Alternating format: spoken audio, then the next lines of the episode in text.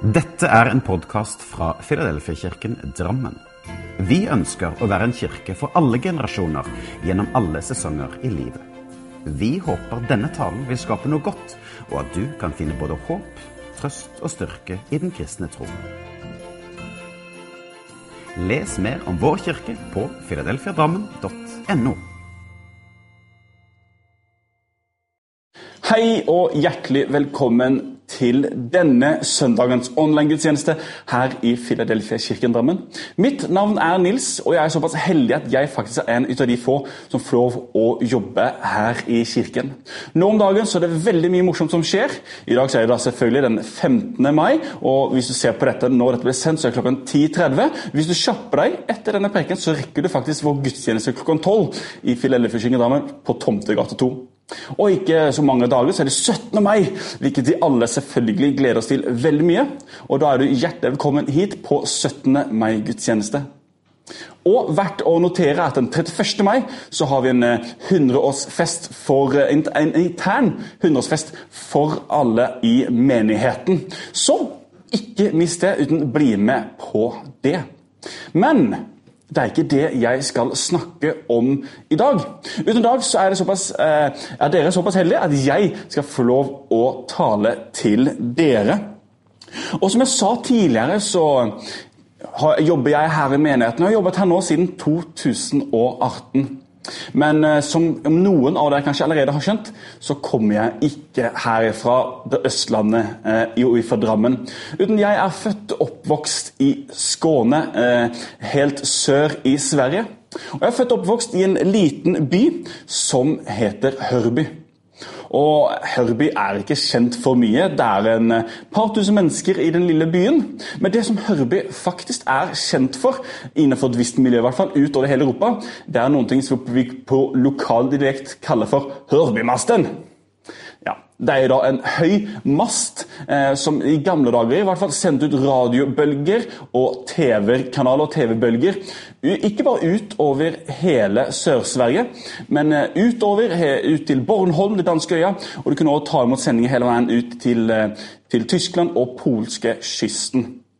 Og eh, denne bygningen ble innviet i 1959. Og Da den ble innviet, så var den 324 meter høy. Det betyr at det var det høyeste bygnadsverket i hele Europa. Og fordi at det allerede står noen 150 meter over havet, så ble totalhøyden på 480 meter. Så på en god dag eh, så kunne disse bølgene bli sendt ut, og det ble faktisk blitt dokumentert at man kunne ta imot de bølgene hele veien inn i Storbritannia og Sør-Frankrike og Sør-Italia. Men eh, skal jeg være helt ærlig, så er ikke jeg så veldig interessert i radiobølger og DX-ting og sånne greier. Utan det som jeg er mest fascinert over dette bygningsverket, det er nemlig på toppen så er det en svær jeg vil si lyspære, men det er ikke riktig eh, ord for den, men en gigantisk lampe. Og På toppen her så ruller den rundt akkurat som på et fyrtårn. Så snurrer den rundt hele tiden, døgnet rundt, for å markere at her er jeg, og her stikker jeg opp. Og fordi at denne masten er 480 meter over havet, så betyr det at på en klar dag så kan du se en klar natt, skal jeg si, når det er mørkt ute, så kan du se lyset for opptil nesten ti mil av gårde. Så man ser den ufattelig langt av gårde. Så ser man hvordan Hørbymasten lyser opp, og alle vet at der er den. Og i Matteus kapittel 5 og vers 14 så står det akkurat det at dere skal være verdens lys. Og Lys har jo mange egenskaper. og jeg tenker å løfte frem tre stykker egenskaper til lys akkurat nå. Det første er selvfølgelig at lys ja, det lyser opp. Hvis du har et mørkt rom og et lyst rom ved siden av hverandre, så åpner du en dør mellom de to rommene. Så kommer det lyse. Ikke blir det mindre lyst. Det kommer fortsette å være like lyst, men det mørke rommet kan bli mye lysere. Så først, lyset det lyser opp. Sikkert alle merket det noen gang når strømmen går, og du prøver å fifle med fyrstikker og tenne et lys. og Først når du tenner lyset, så ser du hvor mye du ikke har sett. Selv om det er en liten, liten lyseskilde bare, så kan det lyse opp veldig mye i mørket.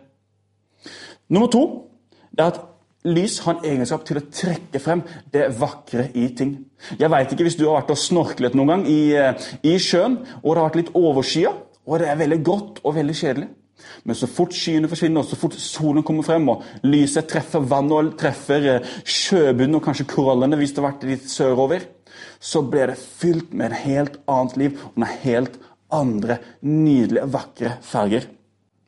Og det tredje egenskapet som lys har, det er at lyset veileder. Selv om det er mørkt ute, så er det veldig enkelt å kunne følge en liten lyskilde. Og Jeg husker en gang eh, for mange år siden da min nåværende kone Anne Merete, vi hadde akkurat blitt kjærester. og En av de absolutt første gangene som hun var med meg ned til Hørby for å møte familien. Og Det var rett før 17. mai i Norge, så hun skulle selv kjøre av gårde inn til nærmeste by for å kjøpe noen ting til 17. mai. Jeg vet ikke akkurat hvor enkelt det var, med tanke på at vi befant oss midt i Sverige. Det krøllet ikke akkurat utover norske flagg, men hun skulle likevel begå seg av gårde for å kjøpe en ting. Og På veien tilbake igjen så kjørte hun seg vill. Og Hun kjørte rundt egentlig nesten en time og uten å klare å finne veien tilbake. Hun kjente seg ikke igjen. Helt til hun kom og tenkte på Stemmer, ja. Den her høye hørbemasten som strekkes opp. Hvis jeg følger den, hvis jeg følger lyset til masten, så er det ikke langt av gårde. Hvis jeg kommer dit, så vet jeg at jeg kommer å finne frem den siste veien. Så hun kjørte etter lyset og kjørte til masten. Hun fulgte lyset som veiledet henne, og når hun kom til lyset, så fant hun òg kilden, og fant der hjem igjen. Som sagt, i Matteus 5 dere er verdens lys. Og det er faktisk så utrolig virkelig bra. Det lyser opp. Det trekker fram det vakre blant ting og på ting og blant mennesker, men òg at det veileder. Og Det er faktisk Jesus som underviste her i Matteus 5 om at vi skal være verdens lys. Og Når jeg tenker på lys, så er det akkurat den typen av lys jeg tenker på. Så det som er på toppen av denne høye masten, eller på toppen av et fyrtårn som hele tiden veileder, og som du kan forholde deg til. Men det kan ikke at du ikke forholder deg til det tenker på det når du tenker på lys i det hele tatt. Det kan jo være at du heller tenker på en uh, lavenergilampe som du skrur opp i taket. Du vet en sånn lampe som Når du setter på lysbryteren, så blir det ikke lyst lyst med en gang, men det blir litt lyst, og så sakte, men sikkert så blir den lysere og lysere.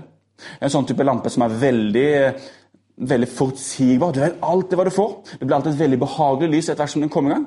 Den uh, har lang levetid Du kan lyse i mange, mange timer. Det virker for lyst eller for mørkt.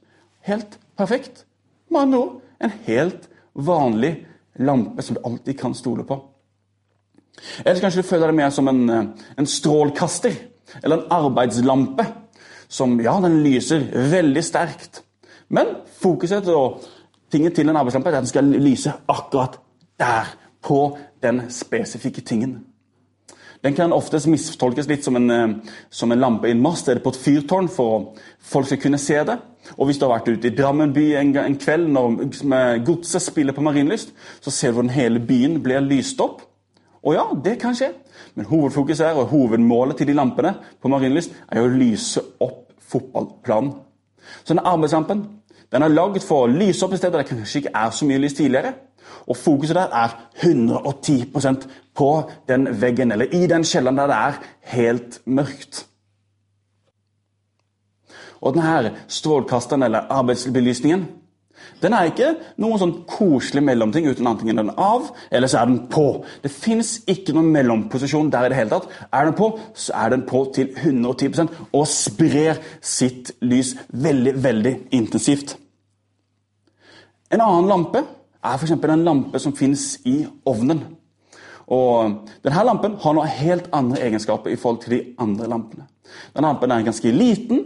Den eh, skal ikke lyse opp særlig mye, og det sprer ikke seg så utrolig mye lys. Men den må klare utrolig høy varme.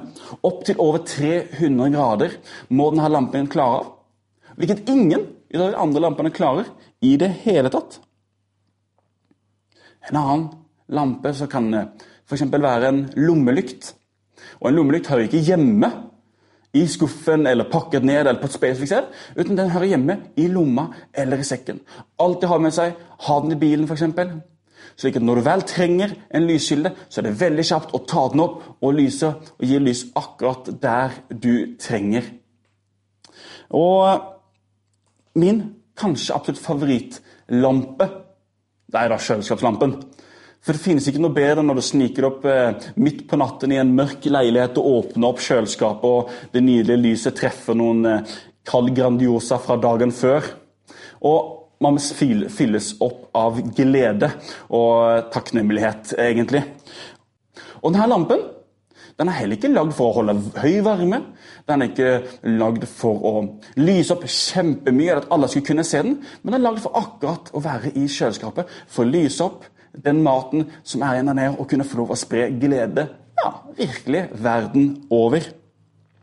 Så alle disse forskjellige lampene ja, de har en helt spesifikk funksjon. Og de passer perfekt til akkurat der de er. Jeg vet i hvert fall at jeg ikke har lyst til å ha en arbeidslampe eller strålkaster ved siden av, eh, eller til nattelampa mi ved siden av sengen når jeg står opp morgenen. Jeg vet at jeg vil ikke våkne opp klokka sju på morgenen og slå på lyset og føle at jeg holder på å bli truffet av en lastebil som er på vei rett inn i soverommet. Og jeg vet også at jeg har ikke så lyst å ta med meg kjøleskapet ut i garasjen når jeg skal skru på bilen. Da ønsker jeg kanskje en lommelykt. Så det jeg prøver å si Ingen av disse lampene er feil. Uten alle disse lampene med helt spesifikke egenskaper er helt riktig på sin plass. Og som vi sa tidligere, Matteus sønn, så er vi kallet til å være verdens lys. Men alle kanskje ikke føler seg som en, en stor som et fyrtårn med en lampe på toppen som signaliserer, som kunne veilede. Og når, jeg tenker, når jeg leser Bibelen og leser om Paulus, så får jeg litt den følelsen at Paulus han var virkelig lyset oppe på et fyrtårn eller oppe på en høy mast. For at han ville synes under over en stor, en stor um, areale. Mange skulle kunne se han, og mange skulle kunne lære av han, og mange skulle kunne bli veiledet av han. I første Kontibrevet, kapittel 11, så skriver han 'Bli min etterfølger, liksom jeg følger Kristus'. Og Når Paulus nå skriver dette brevet til menigheten i Korint, så er det veldig mye trøbbel i menigheten. Det er mye strider og interne konflikter innad i ledelsen og i menigheten. Og vi skal ikke gå inn på for mye av hva de gjorde der, for det er en helt annen preken. Men det, det Paulus sier der Følg meg, fordi jeg følger Jesus. Hvis dere syns det er vanskelig å gå i Jesu fotspor, ja, men ta min rygg, følg min rygg, gjør som jeg gjør. Fordi jeg følger i Jesu fotspor, og jeg går dit til lyskilden. Så følg meg, følg lyset, så kommer dere til å finne kilden. Og de sier bare, det er ikke meg, men det er Jesus. Eller kanskje du føler eh, mer som en Johannes døperen eller en strålkaster. Denne arbeidslampa som lyser veldig intensivt på ett og samme sted. Kanskje ikke så lenge heller, men veldig intensivt. Og Johannes døperen han var i tjeneste i kun seks måneder.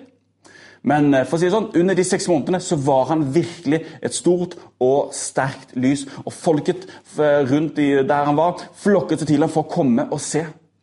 Veldig intensivt. Ja, det sprer seg rundt, men han hadde ikke som poeng å nå andre lender. Uten han hadde som fokus å være akkurat der han var, og forkynne kun om én ting. Et veldig intensivt lys. Og det var å forkynne om at det skulle komme en Messias, at han skulle brede veien for dem som skulle komme etter han. Eller kanskje føler den mer som en, en lommelykt. Eller for å gjøre det veldig enkelt en misjonær eller en evangelist. Som ikke nødvendigvis vil være igjen her i Norge, men hele tiden ønsker å bevege deg ut i steder der det ikke finnes lys enda, og hele tiden kunne være der. Og da spre lyset der du er, og da du ser at det trengs. Og hele tiden nå til nye folk og nå nye steder der ingen har vært tidligere og klart å få ordentlig fotfeste. Og vi alle er forskjellige. Vi alle har et forskjellig lys inni deg. Kanskje det føles som en eh, Kanskje det føles som et lite telys som bare lyser opp bitte litt. Eller kanskje du føler at jeg er denne arbeidslampen som lyser opp veldig intensivt. Eller kanskje du føler et misjonskall deg å kunne reise ut og spre lyset på andre steder. Og Jeg vil være såpass ærlig og si at jeg er veldig takknemlig på at vi er så utrolig forskjellige. Og at jeg er så takknemlig på at vi utfyller hverandre. Hvis vi leser i 1. Kontibrev, kapittel 12 og 14, og så leser vi fremover, så står det For selv om kroppen er en helhet, består den av mange kroppsdeler. Vil ikke være merkelig om foten skulle si, fordi jeg ikke er hånd, så er jeg ikke en del av denne kroppen. Foten kan ikke melde seg ut av kroppen. Den er en del av den den enheten, enten den vil eller ei. På samme måte vil det være merkelig om øret skulle si, fordi jeg ikke er øye, eh, vil jeg ikke være en del av denne kroppen. Øret vil uansett være en del av kroppen. Kroppdelens forskjellige funksjoner er avgjørende for at kroppen skal fungere. For dersom hele kroppen var et øye, hvordan skulle vi da kunne høre? Hvis hele kroppen var et øre, hvor ville det da blitt av luktesansen? Nei, det at vi er forskjellige, er nøye planlagt fra Guds side. Vi er plassert rundt om på kroppen akkurat slik som han selv ville. Nå består kroppen av mange lemmer, men samlet er de alle én kropp. Så alle kroppsdelene har en helt spesifikk funksjon. Fordi alle, alle kroppsdeler trenger ikke ha fingre. Alle kroppsdeler trenger ikke, ikke å kunne se. Alle kroppsdeler trenger ikke å kunne lytte. På samme måte så trenger ikke alle å være samme type av lys. Vi trenger ikke alle å være et lys som klarer å være intensivt i varme i mange mange hundre grader, klare utrolig høy press. Så vi trenger alle ikke å være slik. På samme måte så trenger vi ikke alle å være en slik lampe som er i kjøleskapet, som er og sprer glede. Men allikevel så må vi ha noen til de som sprer glede, som møter deg i kirkedøren på søndag formiddag og sier 'Så utrolig hyggelig å se deg i dag. Hvordan går det med deg?' Så Vi trenger dem allikevel, men alle må ikke være sånn. Og Litt ned, lenger ned i kapittel 12 så står det vi har alle våre spesifikke gaver som trengs. Og sammen så er vi en helhet. Og Det er det som er så spennende. Vi har alle fått en spesifikk gave som trengs. Den gaven du har, den trengs. Din spesifikke gave, den trengs. Og sammen så er vi en helhet. Det betyr meg, og det betyr deg, og det betyr alle andre. Vi trengs for å kunne få en helhet. Og Det er først når vi alle er der, som vi faktisk blir en helhet. Så akkurat din gave den trengs i menigheten. Du kanskje ikke liker å stå på scenen, du kanskje ikke liker å synge. Men det finnes så mye flere ting som man kan tjene på i kirken. I kirke kan man, for eksempel, kan man eh, engasjere seg i barnekirke. Her i Philadelphia kan man engasjere seg i Evas matkasse og matutdeling. Fengselsmisjon. Man kan bli med på tech, man kan bli med på bruktbutikk. Det finnes så mye ting og så mange forskjellige ting som du kan være med og tjene i og bruke dine gaver og dine talenter. Og hvis du spør meg, så er det det som er så flott med å være en flergenerasjonskirke. En ungdom sa til meg en gang at det beste med flergenerasjonskirke er akkurat at du blir aldri for ung, men du blir heller aldri for gammel. Det er alltid noen ting som passer deg. Når du vel vokser ut av ett arbeid, eller vokser ut av en målgruppe, så vokser du inn i en annen og noe annet som passer deg. Så du passer alltid inn. Og vi trenger deg og dine gaver i kirken, slik at vi skal kunne få en helhet. Vi trenger deg og ditt spesifikke lys, som kun du har, og som jeg ikke har. Og jeg tror virkelig på det fulleste at det kunne få lov å være med og tjene Gud med dine gaver og dine talenter. Det er en stor eh, Det er en stor Det er en måte å ære Gud på, og tilbe Gud på. Så det at vi kan få lov å være Guds hender og Guds føtter her på jorden, det har vært noe som har gitt meg en utrolig stor glede. Og det kunne se, lov å se folk eh, bruke sine gaver og sine talenter som de har fått fra Gud, til å bygge Guds kirke tilbake her på jorden. Det har vært noe helt fantastisk. For min egen del har det vært noe helt utrolig å kunne få lov å se og vitne til det. Så avslutningsvis så ønsker jeg bare si husk at dere er verdens lys. Det er kalt til å lyse opp, det er kalt til å få frem det vakre i folk, men også kalt for å veilede. Men vi trenger i hvert fall ditt lys i kirken. Fordi mitt lys er kanskje ikke akkurat det samme. Og jeg er helt sikker på at vi trenger deg og ditt lys i kirken. Og hvis det er slik at du ikke er, er i nærheten av Drammen eller har tilknytning til Philadelphia Drammen, så ønsker jeg likevel oppfordre deg til å søke om kontakt med i en lokal menighet og være med der og tjene i lokal menighet. For jeg er sikker på at de trenger dine gaver og dine talenter, og de trenger akkurat ditt lys.